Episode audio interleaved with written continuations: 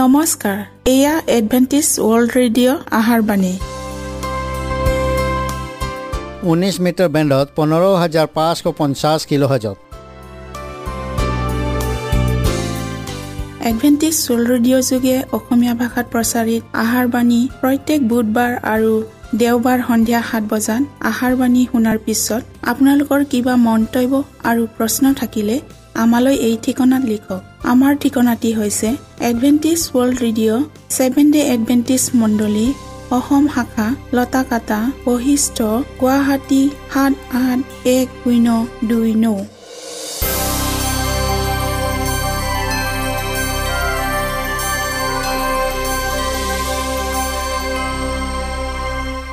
প্ৰিয় শ্ৰোতা বন্ধুসকল এতিয়া শুনো আহক এটি খ্ৰীষ্টীয় ধৰ্মীয় গীত।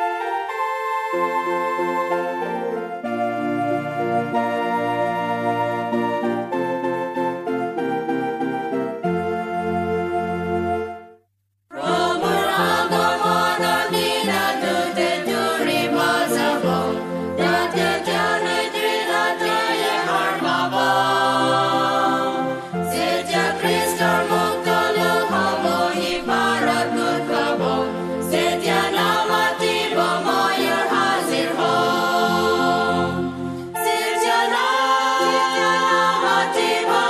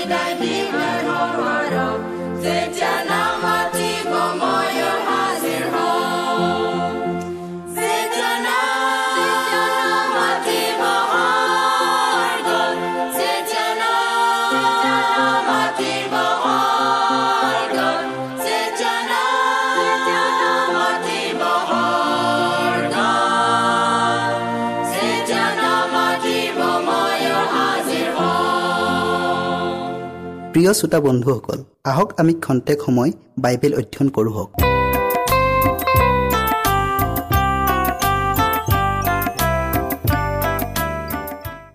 আজিৰ বিষয় হৈছে ঈশ্বৰৰ সৃষ্টিৰ স্মৃতি স্তম্ভ। আচৰিত পুস্তক এখনত ঐশ্বৰিক প্ৰেমৰ আশ্চৰ্যজনক বাৰ্তা এটা আছে। মুক্ত লোকৰ চিৰস্থায়ী বসতি স্থান স্বৰূপে অতি বিতোপনকৈ নিৰ্মিত এখন নতুন পৃথিৱী। এই পৃথিৱীখন মেলি প্ৰথম প্ৰকাশিত বাক্যলৈ মন কৰিলেই আমি ঈশ্বৰৰ সৃষ্টি কাৰ্যৰ মহিমা আৰু গৌৰৱৰ জিলিকনি দেখা পাওঁ। বেৰেচিত অৰ্থাৎ আদিতে ঈশ্বৰ। তেওঁ বাহু মেলাত এখন পৃথিৱী সৃষ্টি হ'ল। তেওঁ বাক্য কোৱা মাত্ৰৰে পৃথিৱীখন আশ্চৰ্যজনক পোহৰ আৰু জীৱিত শক্তিৰে ভূষিত হ'ল। তেওঁৰ সৰ্বোত্তম সৃষ্টি মানুহক এডেন উদ্যান তাৰ বহুতি স্থান কৰি দিলে আৰু তাৰ পিছত মানুহৰ প্ৰতি তেওঁৰ প্ৰেমৰ চিন স্বৰূপে ঈশ্বৰে বিশ্ৰাম দিন সৃষ্টি কৰিলে। ঈশ্বৰৰ আশীৰ্বাদ পবিত্ৰ বিশ্ৰাম দিন। স্বয়ং ঈশ্বৰেই সেইবোৰ ভাল দেখিলে।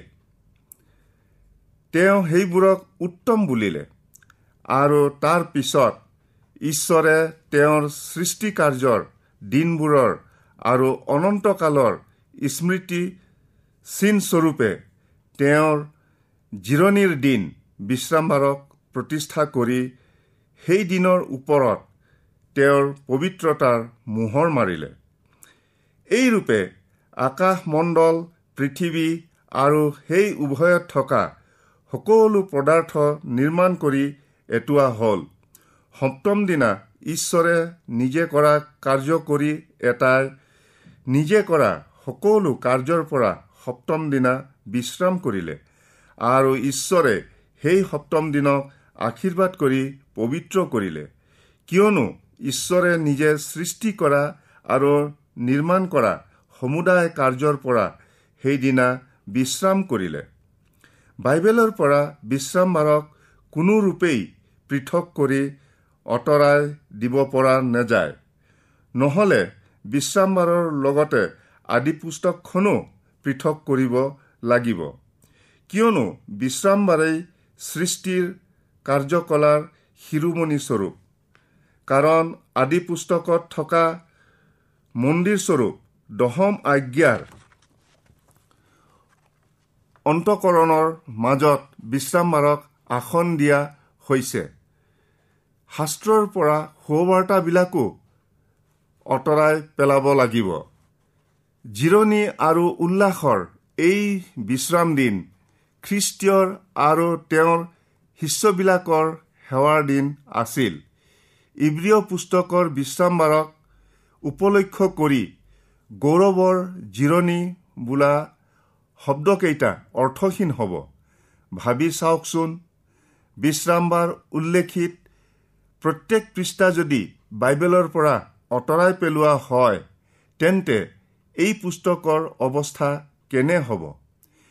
কিয়নো পবিত্ৰ শাস্ত্ৰে আন কোনো দিনক এই বিশেষত্ব দিয়া নাই। যি বিশেষ দিন সৃষ্টিৰ স্মৃতিস্তম্ভ পবিত্ৰকৃত পৰিচয় চিন ঈশ্বৰৰ বিধানসমূহ বান্ধি ৰখা সোণোৱালী জৰি অনন্ত জিৰণিৰ আদৰ্শ দিন সেই বিশ্ৰামবাৰক বাইবেলৰ পৰা আঁতৰাই পেলাব। শত্ৰুৰ বাহিৰে আন কোনেও পবিত্ৰ শাস্ত্ৰক এইদৰে নষ্ট নকৰিব। মানুহে বিশ্ৰামবাৰ পালন কৰিলে সৃষ্টিকৰ্তাৰ অনুকৰণ কৰা হয়। তিনিটা স্বতন্ত্ৰ ক্ৰিয়াৰে বিশ্ৰামবাৰ প্ৰতিষ্ঠা হৈছিল। ঈশ্বৰে বিশ্ৰামবাৰে জিৰণি লোৱাত এই দিন তেওঁৰ বিশ্ৰামৰ দিন হ'ল। ঈশ্বৰে বিশ্ৰামবাৰক আশীৰ্বাদ কৰাত এই দিন বিশ্ৰাম দিন এই দিন আশীৰ্বাদপ্ৰাপ্ত বিশ্ৰাম দিন হ'ল। ঈশ্বৰে বিশ্ৰামবাৰক পবিত্ৰ কৰাত এই দিন আশীৰ্বাদপ্ৰাপ্ত পবিত্ৰ বিশ্ৰাম দিন হ'ল। কিয়নো তেওঁতেই অৰ্থাৎ খ্ৰীষ্টীয়তেই সকলো সৃষ্ট হ'ল। স্বৰ্গত আৰু পৃথিৱীত দৃশ্য আৰু অদৃশ্য যি যি আছে সিংহাসন হওক বা প্ৰভুত্ব হওক অধিপত্য হওক বা ক্ষমতা হওক সকলোকে তেওঁৰ দ্বাৰাই আৰু তেওঁৰ নিমিত্তেই স্ৰজা হ'ল। গতিকে বিশ্ৰামবাৰ আমাৰ ত্ৰাণকৰ্তাৰো জিৰণিৰ দিন। ঈশ্বৰে যে স্বৰূপতে ছটা দিনতেই সৃষ্টিকাৰ্য সম্পন্ন কৰিলে এই কথা নিচেই তাকৰ সংখ্যক মানুহে বিশ্বাস কৰে। আধুনিক জগতে বাইবেলৰ আদি পুস্তকখন বিশ্বাসৰ অনুপযোগী আৰু তাহানিৰ বুঢ়ী আইৰ সাধু কথা বুলি ঠাট্টা মস্কৰা কৰে। বিশ্ৰাম দিন ভয়াৱহ ধৰ্মভ্ৰষ্টতাৰ বৰ্তমান কালত সত্যৰ এই মণিৰত্ন কেনে বহুমূলীয়া? ঈশ্বৰৰ আঙুলিৰে আন নটা আজ্ঞাৰে লগতে লিখা এই বিশ্ৰামবাৰৰ আজ্ঞা মানুহে কিয় পালন কৰিব লাগে? তাৰ অভিপ্ৰায়সূচক কাৰণ প্ৰকাশ কৰা হৈছে। তুমি বিশ্ৰাম দিন সোঁৱৰণ কৰি পবিত্ৰ কৰা। ছদিনে পৰিশ্ৰম কৰি তোমাৰ সকলো কাৰ্য কৰা। কিন্তু সপ্তম দিন তোমাৰ ঈশ্বৰ জিহুৱাৰ উদ্দেশ্যে বিশ্ৰাম দিন। কিয়নো জিহুৱাই আকাশমণ্ডল পৃথিৱী সমুদ্ৰ আৰু সেইবোৰত থকা সকলোকে ছদিনে নিৰ্মাণ কৰি সপ্তম দিনা বিশ্ৰাম কৰিলে। এই হেতুকে জিহুৱাই বিশ্ৰাম দিনক আশীৰ্বাদ কৰি পবিত্ৰ কৰিলে। শিলৰ ফলিত লিখা দহোটা আজ্ঞাৰ প্ৰথম আজ্ঞাটোৱে ঈশ্বৰে সৈতে মানুহৰ কি সম্বন্ধতা তাক প্ৰকাশ কৰে। তুমি সকলো হৃদয় সকলো প্ৰাণ সকলো শক্তি আৰু সকলো চিত্তেৰে তোমাৰ প্ৰভু পৰমেশ্বৰক প্ৰেম কৰা। এই আজ্ঞাটোৱেই প্ৰথম চাৰিটা আজ্ঞাক সৃষ্টিকৰ্তালৈ আমাৰ প্ৰেমৰ চিনস্বৰূপে সোণোৱালী জৰিৰে বান্ধিছে। চতুৰ্থ আজ্ঞা পালন কৰোঁতে আমি স্বয়ং ঈশ্বৰে সৈতে সম্বন্ধ বন্ধন হৈছোঁ। আৰু বিশ্ৰাম দিন পালন কৰোঁতে ঈশ্বৰৰ প্ৰতি আমাৰ দায়িত্ববোধ অনুভূতি উদয় হয়। দহোটা নৈতিক বিধানৰ মাজত বিশ্ৰাম দিনক অকাৰণতে ঈশ্বৰে সুমুৱাই থোৱা নাই। মানুহে যে কালক্ৰমে সত্যক পৰাজয় কৰিবলৈ দুঃসাহস কৰিব তাক ঈশ্বৰে জানিছিল। শত্ৰুৱে এই দুষ্কাৰ্য সম্পন্ন কৰিব নিমিত্তে যে তাৰ সমুদায় অধাৰ্মিকতা আৰু প্ৰতাৰণা শক্তি ব্যয় কৰিব তাকো তেওঁ জানিছিল। অধাৰ্মিকতা আৰু ধৰ্মভ্ৰষ্টতাৰ পৰা ৰক্ষা পাবলৈ বিশ্ৰামবাৰ আমাৰ গড়স্বৰূপ নিয়ম চন্দুকৰ ভিতৰত দহোটা আজ্ঞা লিখা শিলৰ ফলি দুখন আছিল। এই পবিত্ৰ চন্দুকটো ইমান শুদ্ধ আছিল যে লেবিয়াবিলাকেও তাক স্পৰ্শ কৰিবলৈ হ্ৰাস নকৰিছিল। উজ্জিয়াৰ ঘটনাই পবিত্ৰ বস্তু অৱজ্ঞা কৰা প্ৰতিফলৰ উদাহৰণ দিয়ে। বৰ্তমান কালত ঈশ্বৰে অনুগ্ৰহ কৰিবই বুলি ধাৰ্য কৰি মানুহে যি ৰূপে বিধান অৱজ্ঞা কৰিছে এনে অৱস্থাত উজ্জিয়াৰ ঘটনাটো এটা বিশেষ ৰূপে উপযুক্ত সতৰ্কতা। হাত বৰাই নিয়ম চন্দুকটো স্পৰ্শ কৰাৰ দুখতেই যদি উজ্জিয়াৰ মৃত্যু হ'ব লগা হ'ল তেন্তে যিবিলাক অপবিত্ৰ হাত নিয়ম চন্দুকৰ ভিতৰত সুমুৱাই দহম আজ্ঞাৰ এটা আজ্ঞা নষ্ট কৰিবলৈ উদ্যত হৈছে সিহঁতৰ পৰিণাম কি হ'ব? পবিত্ৰতা অৱজ্ঞা কৰা উজ্জিয়া আজিকালি বহুত আছে। কিন্তু প্ৰভুৰ নিয়ম চন্দুক ভক্তিৰে গ্ৰহণ কৰা উবেদ ইডুমো অনেক আছে। এওঁবিলাকে ঈশ্বৰৰ বিধানত পালন কৰিবলৈ আনন্দ উপভোগ কৰে। ডেৰ কুৰি বছৰ বয়সত যেতিয়া যীশুৱে শিক্ষাগুৰুৰূপে প্ৰচাৰ কাৰ্য আৰম্ভ কৰিলে তেতিয়া তেওঁ য'ত প্ৰতিপালিত হৈছিল সেই নাচৰতলৈ আহি বিশ্ৰামবাৰে আপোন ব্যৱহাৰৰ দৰে নামঘৰত সোমাই পাঠ কৰিবলৈ থিয় হ'ল। নামঘৰবিলাকত সপ্তাহৰ সপ্তম দিনটোহে বিশ্ৰাম দিন বুলি পালন কৰা হৈছিল। যিটো দিন শনিবাৰ বুলি জনাজাত। যীশুৱে শিশুকালত প্ৰত্যেক সপ্তম দিনা সেৱাৰ অৰ্থে নামঘৰলৈ যাবলগীয়া হৈছিল আৰু সেই দিনটোৱেই ঈশ্বৰৰ বিশ্ৰাম দিন বুলি পালন কৰিছিল। গতিকে যেতিয়া বয়সপ্ৰাপ্ত হ'ল তেতিয়াও শিশুকালৰ অভ্যাস অনুসাৰে তেওঁ সপ্তম দিন পালন কৰিয়েই থাকিল। ইয়াত আচৰিত হ'বৰ কোনো কাৰণ নাই যি স্থলত যীশু নিজেই জগতৰ সৃষ্টিকৰ্তা আছিল। তেওঁৱেই আদিতে সপ্তম দিনত বিশ্ৰাম কৰিছিল আৰু তেওঁৱেই সেই দিনক আশীৰ্বাদ কৰি পবিত্ৰ কৰিছিল। যিয়ে সৃষ্টিকৰ্তাই বিশ্ৰাম দিন প্ৰতিষ্ঠা কৰি সৃষ্টিৰ সন্মানাৰ্থে মানুহক দিলে। জগতৰ প্ৰথম সপ্তাহৰ শেষত মানুহৰ কাৰণে এফলীয়া কৰা সেই বিশ্ৰাম দিন তেওঁৱেই যে অৱজ্ঞা কৰিব এনে ধাৰণা আমি মনলৈ আনিব নোৱাৰোঁ। বহুতে সৰল মনেৰে বিশ্বাস কৰে যে মৃত্যুৰ পিছত এই প্ৰথা সলনি হ'ব বুলি খ্ৰীষ্টে ধাৰ্য কৰি লৈয়েই তেওঁ সপ্তম দিন বিশ্ৰামবাৰ ক্ৰুচীয় মৃত্যুৰ সময়লৈকে পালন কৰিছিল।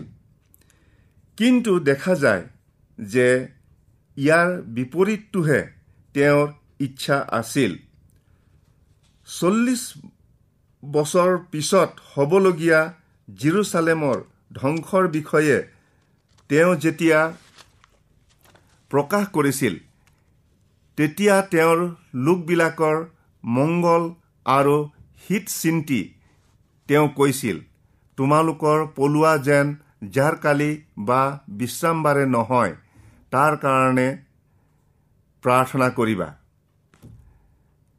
ইয়াৰ দ্বাৰাই আমি জানিছোঁ যে তেওঁ যেতিয়া শিষ্যবিলাকৰে সৈতে কথা বতৰা হৈ আছিল তেতিয়া যি শিষ্যবিলাকে তেওঁৰ মৃত্যুৰ আগলৈকে সাতদিনীয়া সপ্তাহৰ সপ্তম দিন বিশ্ৰাম দিন বুলি পালন কৰিছিল সেই একে বিশ্ৰাম দিনেই তেওঁলোকে তেওঁৰ পুনৰ উত্থানৰ পিছতো বিশ্বাসীৰূপে পালন কৰিয়েই থাকিব লাগে বুলি স্পষ্টকৈ দেখুৱাইছিল।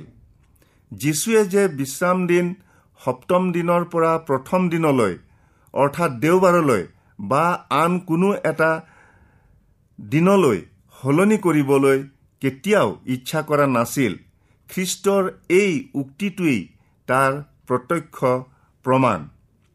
যি তিৰোতা মানুহ কেইগৰাকীয়ে খ্ৰীষ্টৰ মৃতদেহৰ পিছে পিছে মৈদামলৈ গৈছিল তেওঁবিলাকে শুকুৰবাৰে আয়োজনৰ দিন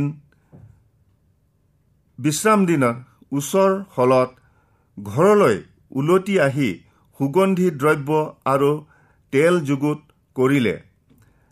আৰু পিছদিনা অৰ্থাৎ সপ্তম দিন প্ৰকৃত বিশ্ৰামবাৰে সিবিলাকে বিধানৰ দৰে জিৰাইছিল। গতিকে যীশুৱে তেওঁৰ মৃত্যুৰ পূৰ্বেই বিশ্ৰাম দিন সলনি কৰা নাই। তেওঁ নিজেই বিশ্ৰাম দিনত মৈদামত জিৰণি ল'লে আৰু ইতিহাসেও সমৰ্থন কৰে যে তেওঁৰ পুনৰুত্থানৰ পিছত শ শ বছৰলৈকে তেওঁৰ অনুসৰণকাৰীসকলে এই দিনেই নিয়মমতে পালন কৰিছিল। পৌলৰ আদৰ্শ পুনৰুত্থানৰ ভালেমান বছৰৰ পিছত আমি পাওঁ যে পৌল পাচনি আৰু তেওঁৰ সহচৰসকলে আন্তিয়খিয়াৰ পিছিদিয়া নামৰ সেৱাৰ কাৰণে সমবেত হৈছিল যি বিষয় বাছি লয় তাৰেই শিক্ষা দিবলৈ জনতাই পৌলক অনুৰোধ জনালে। যদি বিশ্ৰামবাৰ সলনিয়েই হৈছিল তেন্তে এই সময়তে তেওঁবিলাকৰ আগত সেই বিষয়ে প্ৰকাশ কৰি বৰ এটা সুবৰ্ণ সুযোগ নহয়নে? কিন্তু পৌলে এই সম্বন্ধে একোকেই নজনালে। কিয়নো পুনৰুত্থানৰ পিছত তেনে কোনো পৰিৱৰ্তন হোৱা নাই। সপ্তম দিন বিশ্ৰাম দিন বুলি পালন কৰা কেইগৰাকী ফিলিপিৰ তিৰোতা মানুহে এসময়ত নৈৰ দাঁতিত বিশ্ৰাম দিন পালনাৰ্থে গোট খাওঁতে পৌলে তাত উপস্থিত আছিল। থিচলনিকিতো পৌলে প্ৰত্যেক বিশ্ৰামবাৰে নামঘৰলৈ গৈ খ্ৰীষ্টই আহিব লগা মচীহ জনা বুলি লোকবিলাকৰে সৈতে তৰ্ক বিতৰ্ক কৰিছিল। এই একেই পল পাচনিয়েই আমাক জনাইছে যে ঈশ্বৰৰ বিধান পবিত্ৰ ন্যায় আৰু উত্তম। জাকু পাচনিয়ে ঈশ্বৰৰ আটাইকেইটা বিধান একত্ৰ কৰি এটা সমষ্টি কৰিছে। তেওঁ কৈছে যে যিকোনোৱে সকলো আজ্ঞা পালন কৰে কিন্তু এটাত তাৰ ক্ৰুটি হয় সি সকলোতেই দুখী হ'ল। এই পাচনিসকলে বিশ্ৰাম দিন সলনি হৈছে বুলি কেতিয়াও শুনা নাছিল। পাপ সোমোৱাৰ পূৰ্বেই এডেনবাৰীত সপ্তম দিন বিশ্ৰাম দিন আছিল। সৃষ্টিকৰ্তা আৰু তেওঁৰ সৃষ্টি কাৰ্যৰ সন্মানাৰ্থে এই দিন মানুহৰ কাৰণে প্ৰতিষ্ঠিত হ'ল। যিহেতু মানুহৰ পাপৰ পূৰ্বেই এই দিন স্থাপিত আছিল আৰু সৃষ্টিকাৰ্য সোঁৱৰণৰ অৰ্থেহে দিয়া হৈছিল। তেনেস্থলত খ্ৰীষ্টৰ মৃত্যুৱে ইয়াক পৰিৱৰ্তন কৰিছে বুলি বা প্ৰয়োজনীয়তা আঁতৰাই দিছে বুলি ধাৰণা কৰা বৃথা। পাচনিৰ ধৰ্মপুস্তকখনক খ্ৰীষ্টীয় মণ্ডলীৰ ইতিহাস বুলি কোৱা হয়। খ্ৰীষ্টীয়ৰ উত্থানৰ পাছতো পাচনিবিলাকে এডেনবাৰীত যীশুৱে স্থাপন কৰা পবিত্ৰ বিশ্ৰামবাৰ পালন কৰিয়েই আছিল বুলি পুস্তকখনে সাক্ষ্য দিয়ে। যীশুৱে পবিত্ৰ বিশ্ৰাম দিন পালন কৰিছিল। তেওঁৰ শিষ্য আৰু পাচনিবিলাকেও এই দিন পালন কৰিছিল। নৱনিৰ্মিত পৃথিৱীটো অৰ্থাৎ স্বৰ্গীয় জিৰচালেমতো বিশ্ৰাম দিনেই পালন কৰা হ'ব। এতিয়া পালন কৰা নহ'ব কিয়?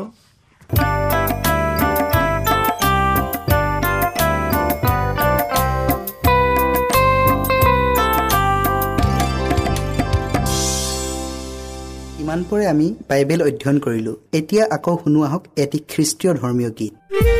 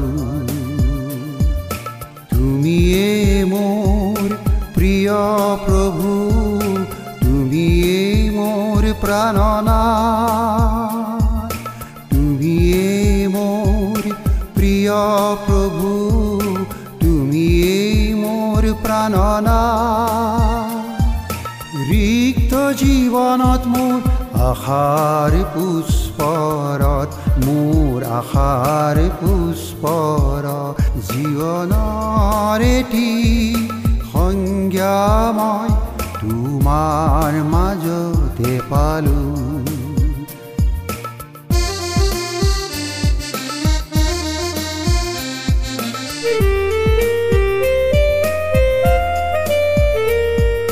জীৱনৰ পথত গতি কৰি মই পথ হাৰা যে হলো।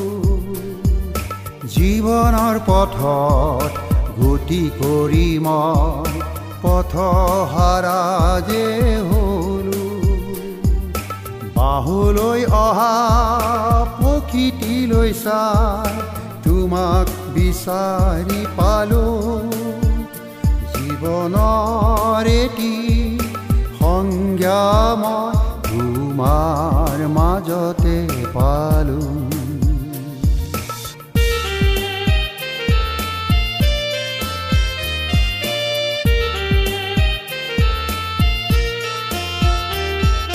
দুখৰ সাগৰ পাৰ হৈ প্ৰভু তোমাৰ কোলাতে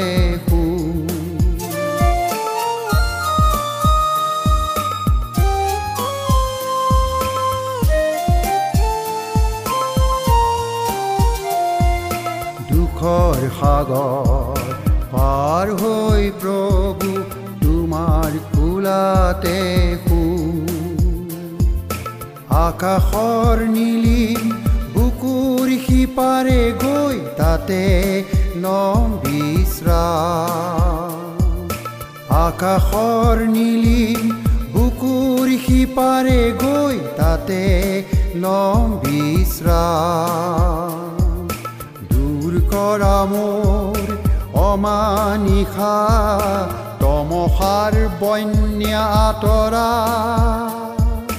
নয়নে দেখে যে উজ্জ্বল সি পুৱা উজ্জ্বল সি পুৱা জীৱনৰ এটি সংজ্ঞা মই তোমাৰ মাজতে পালো। নতুন পথৰ দিশ তোমাৰ পৰশতে পালো। তুমিয়ে মোৰ প্ৰিয় প্ৰভু তুমিয়ে মোৰ প্ৰাণনা। তুমিয়ে মোৰ প্ৰিয় প্ৰভু মনত ৰাখিব আমাৰ ঠিকনাটি পুনৰ কৈ দিছোঁ। Adventist world radio' Assam region of seven day Adventist voice of hope Latakata Basistha Guwahati seven eight one zero' two nine প্ৰিয় শ্ৰোতা বন্ধুসকল এডভেণ্টিজ ৱৰ্ল্ড ৰেডিঅ' যোগে আহাৰবাণী প্ৰচাৰত আপোনালোকক পুনৰ লগ পোৱাৰ আহাৰে আজিলৈ সামৰিলোঁ ধন্যবাদ